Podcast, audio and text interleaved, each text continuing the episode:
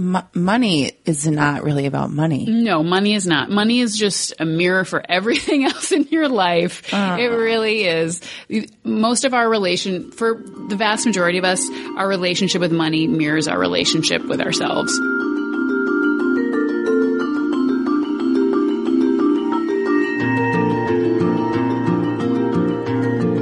Von Bargen is the founder of YesAndYes.org, a blog about discovering what makes you happy so that you can do more of it.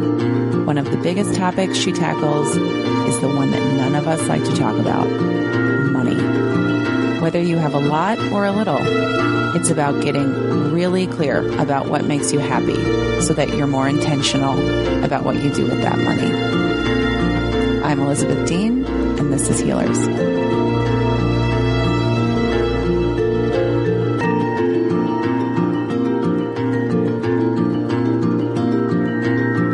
Recorded some beauty podcasts. Oh, that's right. Yeah, like at my house, like in my old tiny apartment. Yeah. Yes. And I remember being like, let's talk about picking zits. And you were like, don't. And I was like, but if you were going to. Do you remember that? Is there a don't for money, Sarah? Like, Oh, what's the thing I'm never supposed to pick at? Uh, you're not, stop carrying a credit card balance. I don't think that you would do that anyway. I would not. I'm so afraid of debt. Oh my gosh. When people are like, oh, my credit card balance is so high, I'm like, oh gosh, okay, well, let's, we have to work backwards. Do you, so you start with that because of the interest rate? Yes, like don't if you have a, a credit card balance, that should be your first. Like pay that off before your school loans, before like that is your first priority, and then figure out why is it that you're buying things that you can't afford. Because if you can't figure out why you're doing it, no amount of no amount of like giving up lattes and coupon codes is ever going to save you. You're just going to run it up all over again. You're just going to run it up all over again, and you're and and also you're going to you're not going to develop good spending habits, and you're also going to like live. It's going to feel like you're living in deprivation because. mm-hmm, Yep. Because if you can't figure out why you're spending money the way you are, no amount of budgeting is ever going to change that. You're So- moving money around on a on a spreadsheet. Um. So now I'm going to add deprivation to the list of things I'm scared about. Debt and deprivation. But it's but I think that the thing about deprivation is it's all it's unique to everyone and deprivation feels different to everybody. Like I would feel deprived if I had to be mindful of my spending when I was at the grocery store. That is one place where like I don't look at prices. I just buy whatever I want. But for somebody else, they would feel deprived if they couldn't have a new car or they would feel deprived if they had to miss a certain beauty appointment or they would feel deprived if their child couldn't go to school in a certain district. It's different for everybody. It's you- very relative. yeah, and you have to find out what it is for you so that you can find places where you can spend less without feeling deprived. Um, because if you are, you, you can't you can't change your money habits, and you're going to hate your life if you're if you're living it in deprivation. Okay, so back us into this then. Sure. Um, well, what I always tell people to start with is you need to figure out what makes you happy. And most of us have extremely there, there are two problems with this. Um, most of us have extremely vague ideas about what makes us happy, and most of us, myself very much included, um, have unconsciously absorbed other people's ideas about what happiness should look like. Um, and so, if you ask the average person on the street what makes you happy, they'll say time with friends and family. They will, they might say travel. Um, but those things are both incredibly vague and like going to an all-inclusive with your extended family is not the same as backpacking around India by, India by No. yourself. And if you don't understand the differences between those two things, it's very easy to waste thousands of dollars and years of your life pursuing the wrong type of happiness. So first you have to figure out um, what makes you happy and you have to unpack where those ideas came from. Um, because if you're getting all your ideas about happiness from your family or from your social group or from TV, you need to figure out where those ideas are coming from because once you sort of square up what actually makes you happy, you might need to dial back those sort of bad influences, as it were, or protect your version of happiness. Because if you know that getting an MBA is not going to make you happy, but every time you go home, your dad is pressuring you about getting an MBA, you need to have the wherewithal emotionally, psychologically to to deal with that. You need to have the language to address it. So next time your dad says, "When are you getting that MBA?" you know how to reply to that. So you don't end up going down that road of school debt and years of your life getting something that isn't right for you. M- money is not really about money. No, money is not. Money is just a mirror for everything else in your life. Uh. It really is. Most of our relation, for the vast majority of us, our relationship with money mirrors our relationship with ourselves. So I know it's a, it's a, and it's not something that most of us think about. We think that, um, money is dollars. We think that, um, that it's that it's cash that we just use to buy things, but it's about so much more. It's about our sense of self worth. It's about you know how we were raised. It's about um, happiness and deprivation and you know pursuing the life that we want and what happiness looks like. It's it is both more complex and more simple than most of us think. Simple but not easy. Yeah, absolutely. It's simple but not easy. Okay, my head is just exploding. I mean, we're talking about money. The, the, fact that that it's gauche to talk about money. Yeah. The fact that it mm-hmm. is taboo, it makes people uncomfortable, yeah.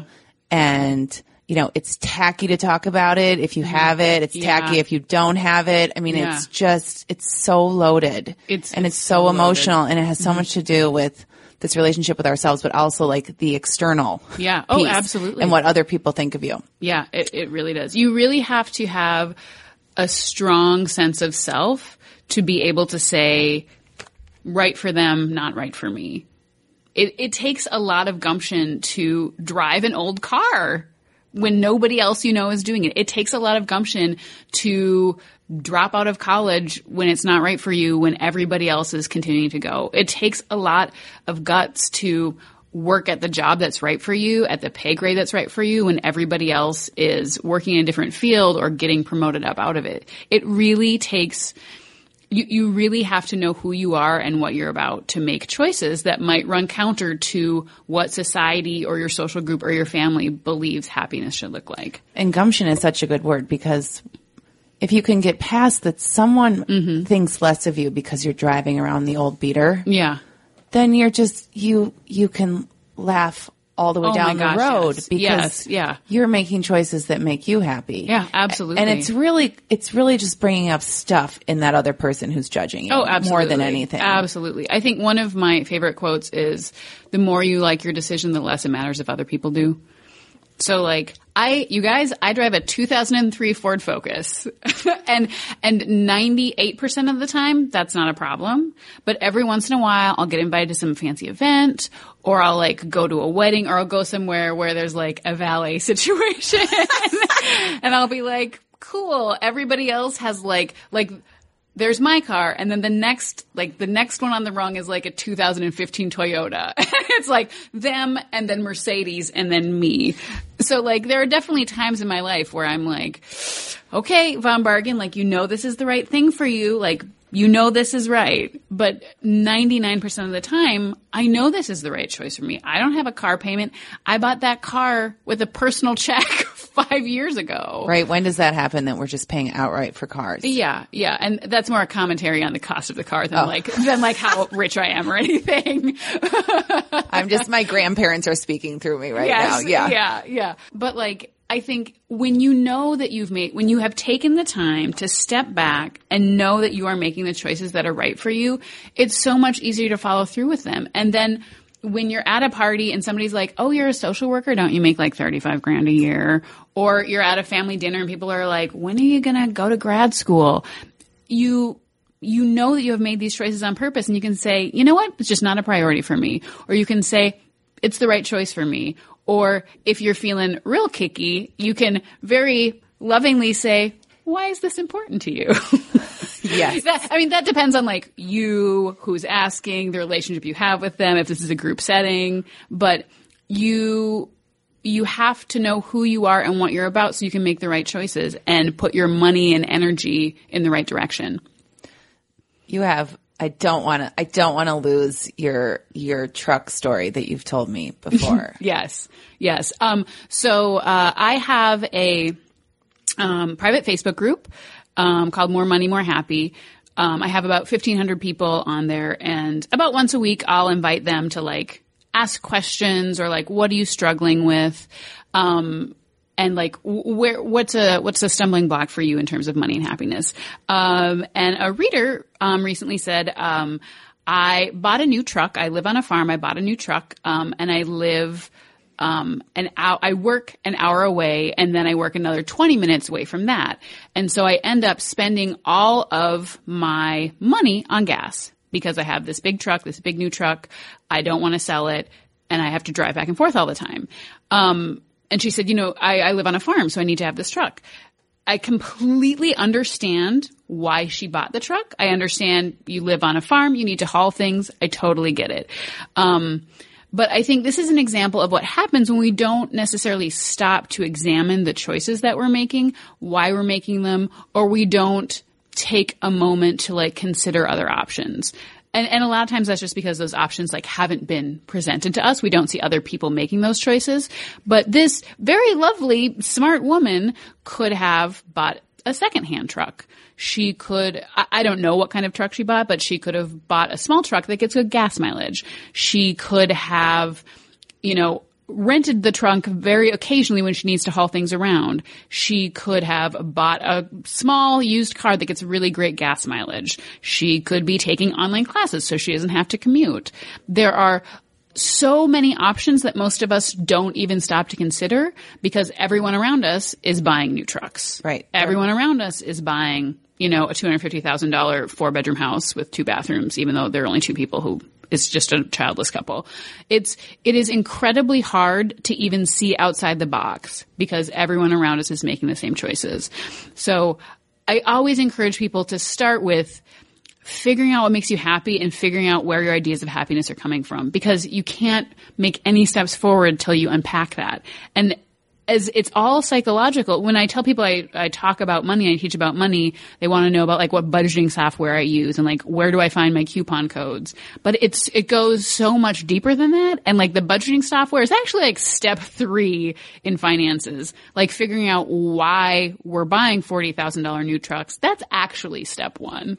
Right. And you've said to me before, you are not your forty thousand No. dollar truck. No, And no. and I don't have I don't have a truck, but I mm-hmm. have I have a version of that and it mm-hmm. sits in the garage Yeah. Oh, totally. except for maybe like 10 miles a day mm-hmm. when I go to a meeting. I'm not I'm not using this expensive piece Yeah. of equipment Yeah. and yet it pains me to think about buying the 2005 Yeah. Ford Escort. Oh, yeah. Yeah. And and it it truly Mm-hmm. aside from like I happen to love cars. I did even as a kid. Mm-hmm. Yeah. And, and I'm a girl. I mean, this is Yeah. go figure. um it feels like I have failed in some way if I cannot have all the things that I want. Well, and I always, and I tell people too, like, there are, we all have things, we all have luxuries, and I'm never going to tell people, like, money doesn't make you happy because I have spent money in ways that make me absolutely happy. I have a Roomba and that business is expensive and I have zero qualms about it. I will tell anybody who will listen about why you need a Roomba. Like I travel, I spend tens of thousands of dollars every year on travel. I have a passport that's like this thick with like expensive countries and I have zero shame about that. So I think that it is, if you know, if having a nice car makes you happy, you have a nice car. Absolutely. But I think it's nobody is like purchases are not equally happifying. You know what I mean? So you have to figure out if having the nice car makes you happy, awesome. You should absolutely have the nice car. But it is unlikely that that nice car that like maybe your furniture in your home or like the zip code that you live in or you know, your beauty treatments, they're not all making you the same amount of happiness. How do we get to that? Because, and before you answer Mm-hmm. that, something just came to my mind. Um, I'm I'm really trying to cut out sugar right now, which you'll hear about in every previous episode. We're all trying to cut out sugar. But if I can get past that dessert phase that lasts about 15 minutes when I like start, Mm-hmm. Yes. I have like practically have seizures because I need something so badly. Yeah. If I can get past that, then I don't care. Yes, And yeah. I and I kind of wonder, and I feel this way when Mm-hmm. I put stuff in my um, J Crew shopping cart online, and then I walk away. Mm-hmm. Yes. And I come back and I feel relieved that I did not buy it all. I went Yes. through. I went all the way up to the pulling the trigger, and Yeah. then I didn't. Yep. And I do wonder if that could happen, if that could apply to more Oh yeah, things. Oh yeah, absolutely. I I tell my students there are sort of like two approaches to money stuff. One is the like sort of a little bit of a band aid approach, like you know you should. Uh, you know how like when you use your credit card on your computer, it like auto completes the number, so you don't even have to like go get your credit card. Turn that option off. Um, unsubscribe from the J. Crew newsletter. Block yourself from certain sites. Like put something in your cart and wait three days. Like there are absolutely like workarounds that can be extremely helpful. Um, and those can help people save you know, hundreds of dollars a month. Um, but I think what is important is like, so why was I about to spend four hundred dollars at J. Crew when I already have three cardigans that look like that? I can answer that. So if you can answer why you wanted why you wanted to buy a bunch of cardigans that you didn't perhaps need, then you won't have to like use the tricks of like blocking yourself from jcrew.com. But you can but use those things in tandem. of course. Like why am I buying it and also I'm blocking myself from jcrew.com. okay. Yeah. So ask those questions. You've got lots of exercises. I Yes. don't want to give them all away. Yes, sure. Because you've got this free Oh yeah, five day boot camp. Mm-hmm. Okay, let tell us about this. Let's give let's give everyone a preview, and then I want to get just some simple things that we can do. Sure, absolutely. At home now. It is um, called More Money, More Happy Boot Camp, and you can sign up for it at yesandyes.org slash boot camp. Um, it's totally free. It's 100% free, so like, why wouldn't you do it? It's Um, really free. There is yeah, not there's, there's some not, sort of catch here. No, like do you don't have to like put in your credit card number and then I, you know. and buy a bunch of magazine subscriptions, which No, I no. always get suckered into. Um, so you get so it's five days. Um, every day you get a an email. There's a workbook that goes with it, and then there are also daily videos in a Facebook group. So it's really comprehensive. It's a lot of support, and each day we work through one small step that will help you figure out what makes you happy and figure out where your money is going. Um, and the sort of pillar, well, the true the the crux of what I teach is figuring out why you're spending money the way you are and then doing something about it. But you can't do that until you understand where your money is going. So the big exercise that I have all of my students work through is and and as a as a to preface this, this exercise can be um, pretty emotional. Like I've had people like cry about it. I've had people get like very proud of themselves and verklempt. And both of those are totally awesome. And if you have that reaction, don't worry, you're not the first person who's had it. Um, but so I have my students print out um, their bank statement and their credit card statement for one month. And then you can, I do actually do it like on paper and I have three highlighters. You can use a spreadsheet program as well. Um, you have a pink highlighter, a yellow highlighter, a green highlighter. You work through every single thing you have purchased in the last month. And if it is a purchase that brought you joy, you highlight it green. So if it's something that added to your life, if it made you happy, if it is a purchase that was unavoidable, like insurance or rent or groceries, it's a yellow. And if it's a purchase that you regret making or you don't even remember like what it is, it's a pink. So, you know, like a stoplight situation. And then you add it up and frequently those numbers are very, very, very different from what you think they would be. And being able to have a hard number associated with regret, financial regret is, uh, that will really jumpstart that will really jumpstart some habit change. I had a student who had $2,000 worth of regrettable spending a month. That that doesn't take much to do that. I mean, and that like, goes fast. Yes, and there is like, and I should say this woman, you know, was obviously a high earner that she could afford Sure. to be sort of inadvertently spending two thousand dollars a month. I've also had students who said like, I am living paycheck to paycheck. I'm so good at budgeting. There's absolutely no way that I could carve anything out of my budget. And then they did this exercise and they were wasting hundreds of dollars a month. So it's really, really surprising what you will discover when you do that. I had a student who was a life coach who, who thought of herself as somebody who was like very evolved and self-aware and really good at self-care. And then she did this and she realized she was only spending $27 a month on herself, but tons of money on like rent and insurance. So it's very interesting. So you've hopefully just figured out what made you happy. And then it's very interesting to look at, okay, I said that travel makes me happy and yet I haven't spent any money on travel in three months. Yet somehow inexplicably I spent like $700 on Target sundresses and like makeup that I don't need.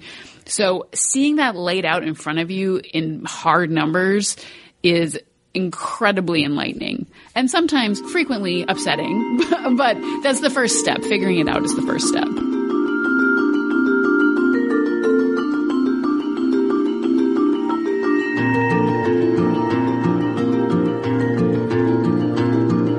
Been some fantastic blogs and, and stories out there about people just cutting out Starbucks and suddenly they had a down mm-hmm. payment on a home after Oh, a yeah. year or Yeah. eating out or mm-hmm. and but that doesn't completely get mm-hmm. to the crux Yeah, and- of the problem Yes. either. And I would also say that it's important that if eating out makes you happy, oh my gosh, keep doing it. Right. If Starbucks makes you happy, keep doing it. It's not so much where the money is going because I'm not going to judge you for spending money on makeup if that brings you joy, but pretty much all of us are spending money on things that do not improve our lives, that do not make us happy, that are not pointing us in the direction of where we want to go.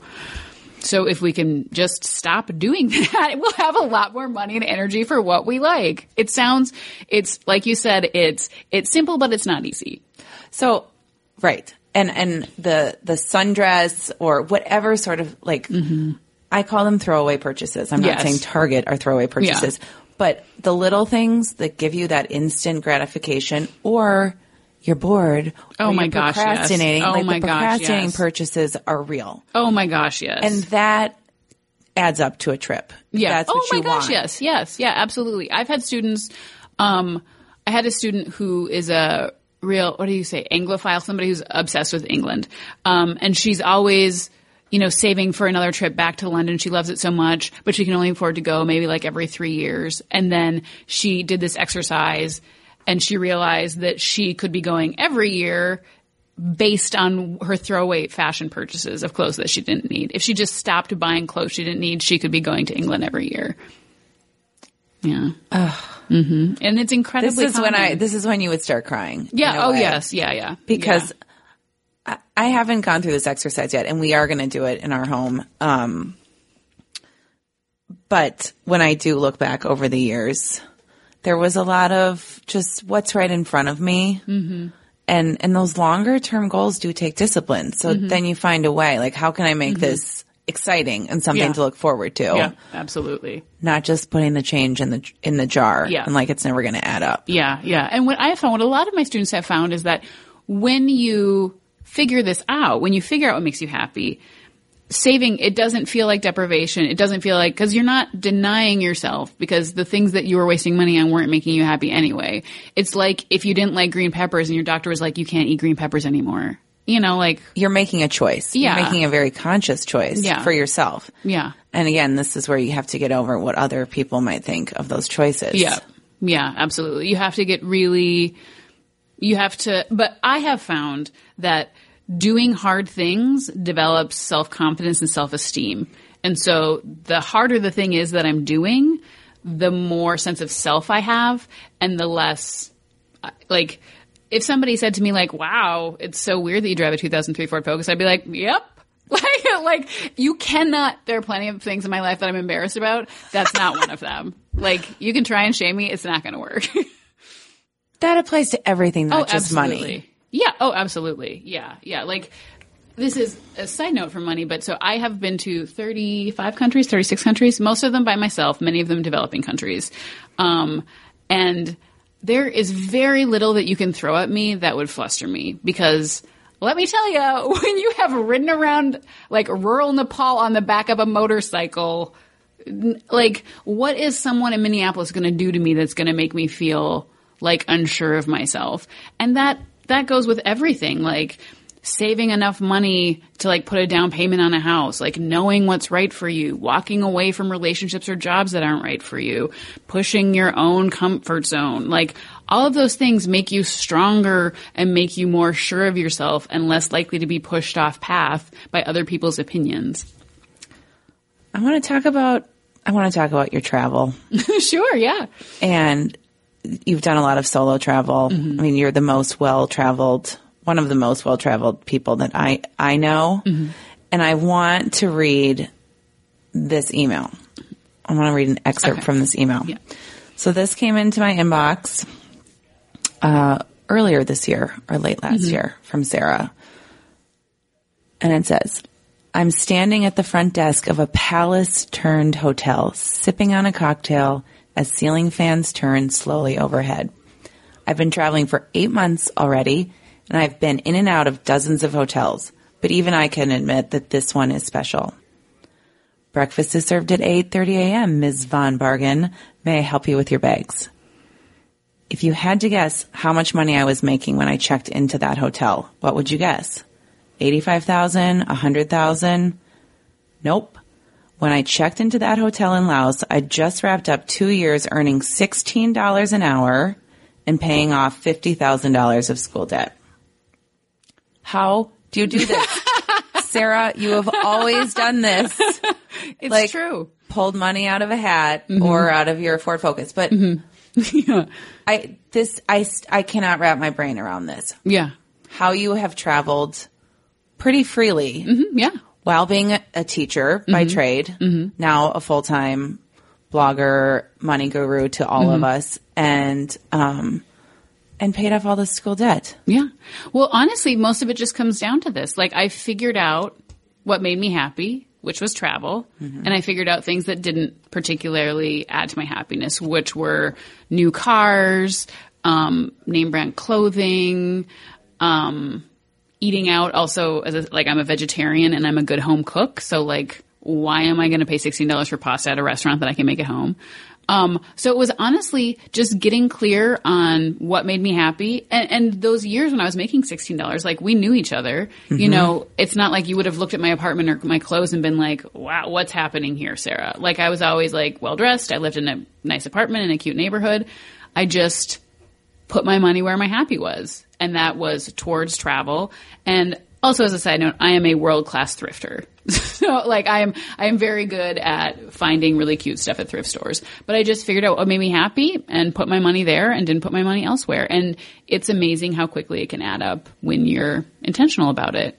And, and I would also say one of the tricks that I teach my students is think about um, your hourly rate. Figure out how much money you earn per hour and then think about the thing that you're about to buy and then think of it in those terms.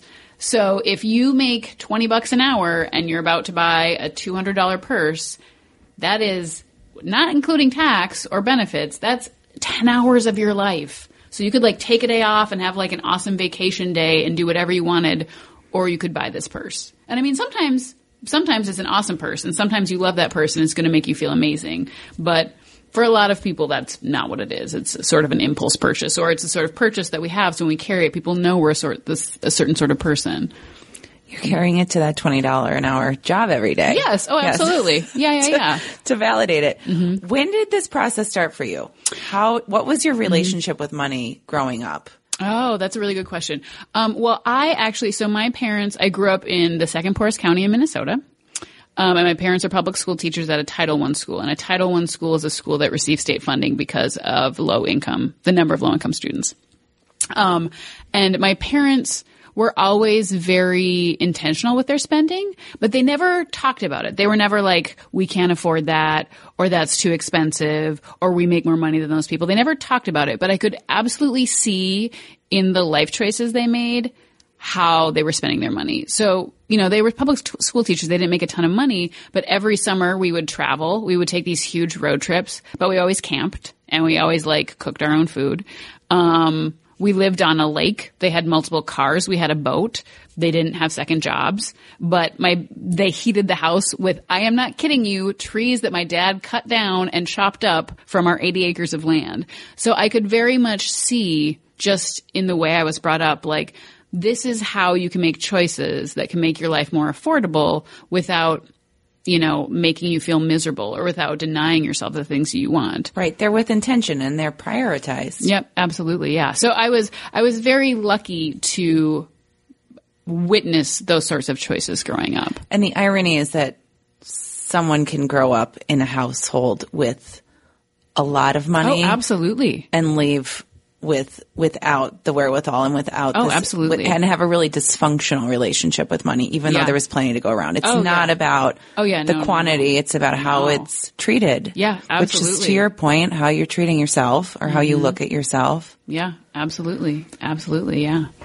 So, what are some of the biggest? We've we've talked about mm-hmm. some, but are there any other just mistakes or mm. kind of easy habits that you see again and again with people? Well, that's a good question. Well, I would say so. The first things are always like figure out what makes you happy and unpack where you're getting those ideas about happiness. Go through and track um, where your money is going. And in my, I have a full course called "Put Your Money Where Your Happy Is," where we really get into this. Um, the why and the habit change. But what I would say is look at those your your pink expenses, your regrettable expenses, and w- most of us are making regrettable choices for the same reason. They're different for all of us, but I would really encourage you to look at those because there's probably a common denominator. Are you shopping instead of feeling your feelings? Are you um, trying to keep up with the Joneses? Are you, um, a lot of us confuse buying something with taking action. So instead of actually training for a marathon and we just buy a bunch of running clothes, everybody does, well, not everybody, many people do it. That's amazing. Um, or the, an entire bicycle. Yes. Or you're shopping for the sort of, per- you're shopping for the person you want to be. Like, I want to be the sort of person who cooks, so I'm going to buy a bunch of Le Creuset and then never use it. Or my, the reason I make regrettable purchases is I go too fast. So like, I have booked flights on the wrong date. I have like bought something that I thought was black but was navy blue. Um, I'll buy something and then it doesn't fit through the door because I didn't measure it. Um, or a lot of people, you know, they they don't pack lunch at work and so then they spend 10 bucks a day at lunch or they are running late so they end up taking a taxi instead of driving or instead of taking the bus um, so look at those reasons you make regrettable purchases because there's very there's usually a common denominator and if you can figure out why you're making those regrettable purchases is a lot easier to stop uh, also one of our favorites it's not quite right oh my gosh yes i well so i i especially if you're someone who thrifts or goes to estate sales, it's the close enough purchase. Close enough. The like, oh, it's fine. Or like, I can wear it to work, or if I wear it with a belt, or if I get it hemmed, or if I dye it, or like, don't, just don't. like, don't do if it. If it doesn't make you happy, if, if you don't immediate, like for me, if I don't see it across the store and want to like run across and like don't even care how much it costs, then why am I buying it? If you can't be bothered to like wait in line for 30 minutes to buy it, why are you buying it? Oh, I mean, I am the stranger at the sale saying, "Would would you pay? Would you still want this if it were full price?" Oh my gosh, yes. Do not buy it just because it's on sale. Yes. Oh yes. Those are yes. just those are regrettable. We could go all day on Yeah. on the Well- clothes on the clothing shopping. Well, and the one thing that I tell people, and this one tiny tip people tell me again and again, is before you before you look at how much it costs, decide how much you'd be willing to pay. So like put on the jacket, like so this you can see my amazing parka right here. Um, that parka I would have gladly paid like three hundred dollars for. It cost twelve. But you, you love it so much. I love it so much. I have like the old navy jeans that we both know that I'm obsessed with. Yeah, let's tell everyone what these old navy. Oh my are. gosh, I don't own a pair yet. I need to go try some They are amazing. If you are either a hourglass shaped lady or a pear shaped lady, these are for you. They have a really good like hip to waist ratio. They have that like just right amount of lycra so you can like do deep knee bends if you want to. They're just Or amazing. whatever. Yeah, they cost I think you can get them on sale for like $17. They're the only jeans I buy. I would gladly pay like 70 bucks for them because they make me feel so like and you can like bend down and they're not going to like show your underwear. They're they're great. And they're and I think they're called like the rock star. Yeah, they're jeans. Rockstar jeans, Rockstar Old Navy jeans, and they have you know like hundreds of five star reviews. And I would pay so much money for them. And luckily for me, they're cheap. But so many of us go, to, we go to the sales rack, we try it on. We're like, oh, it's only $27. Sure. I guess I do need a new work top. No. Like, It's not good enough. It's not close enough. No, no. Like put it on and decide how much you'd be willing to pay and then look at the price tag. Because frequently you're like, oh, okay, I would pay like $23 and you turn it over and it's like 75. No, don't buy it then. It's funny that it's the bigger purchases that Mm-hmm. there's a totally different mentality that goes into those. Yeah, yeah. And and the other thing that I know that I have found in myself and in a lot of my students is we will nickel and dime ourselves. Right. We will nickel and dime ourselves like, "Oh, I'm going to get the like the cheap lipstick instead of the nice lipstick." But then we would like we don't even like negotiate on the price of a car or we don't even we're like oh okay like obviously i need to i spent thousands of dollars on website stuff last year and i didn't even like shop around because business expenses are like a blind spot For you. Yes, yeah. Yeah. And, and I think a lot of us, maybe business expenses, maybe home expenses, sometimes ex- education expenses. It's the totally justifiable purchase. Well, for me, it's also sometimes my comfort zone. Mm-hmm. Okay, so let's go back to clothing. Mm-hmm. I know that well. I know that world Yeah. well. Yeah. I know when it's going to go on sale, probably, mm-hmm. and like what it's worth to me, but it's mm-hmm. something I'm familiar with. Yeah. Bring a contractor in to do Oh, some yeah. remodeling or a computer guy Oh, yeah. who knows everything that Okay, I don't sure, know. sure, yeah. Yes, just tell me where to sign oh because my I'm gosh, kind of yes. scared and I don't know how Oh, to do this myself. So just take my money. Yes. And I'm not, and, and Yeah. we need to, Yeah. we need to, you know, be more empowered be more aspects. empowered for Yeah. sure. Yeah. Because if, if you can negotiate at an estate sale, you can totally negotiate on your car.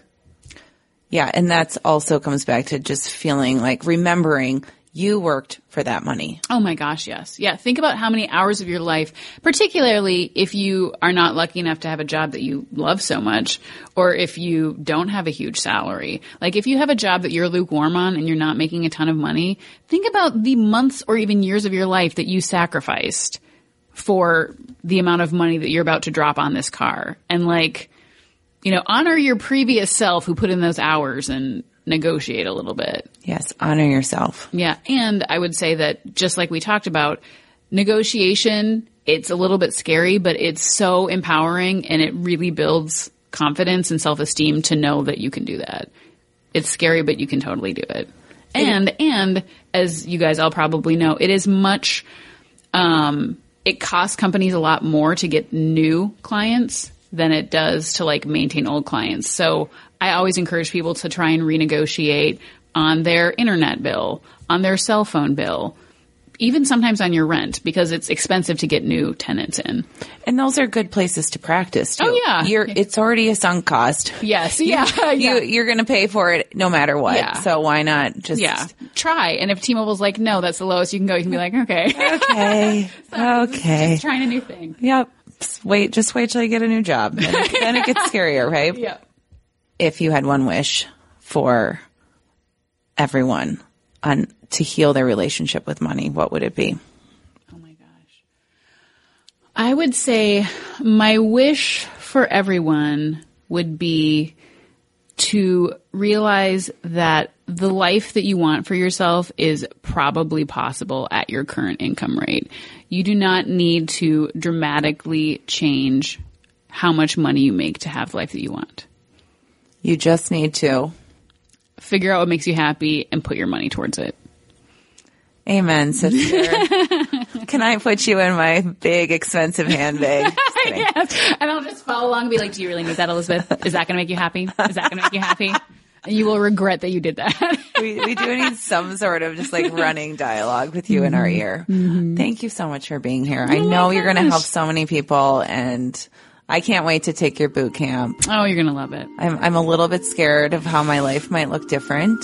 And I think that that's also a reservation mm-hmm. of others. Mm-hmm. We talk about change a lot on the show and that like foreboding Yeah. change. Yeah. but these are going to be choices and changes that you make because you know what you do care about. Yeah. Yeah. And your life will be happier because of it. It might look different, but it will look different because you're happier. Show. Oh, thank you. Namaste. Namaste. For notes from our show, visit healerswanted.com. If you love this episode, please subscribe to Healers using your podcast app or on iTunes. As always, five star ratings and positive reviews are welcome.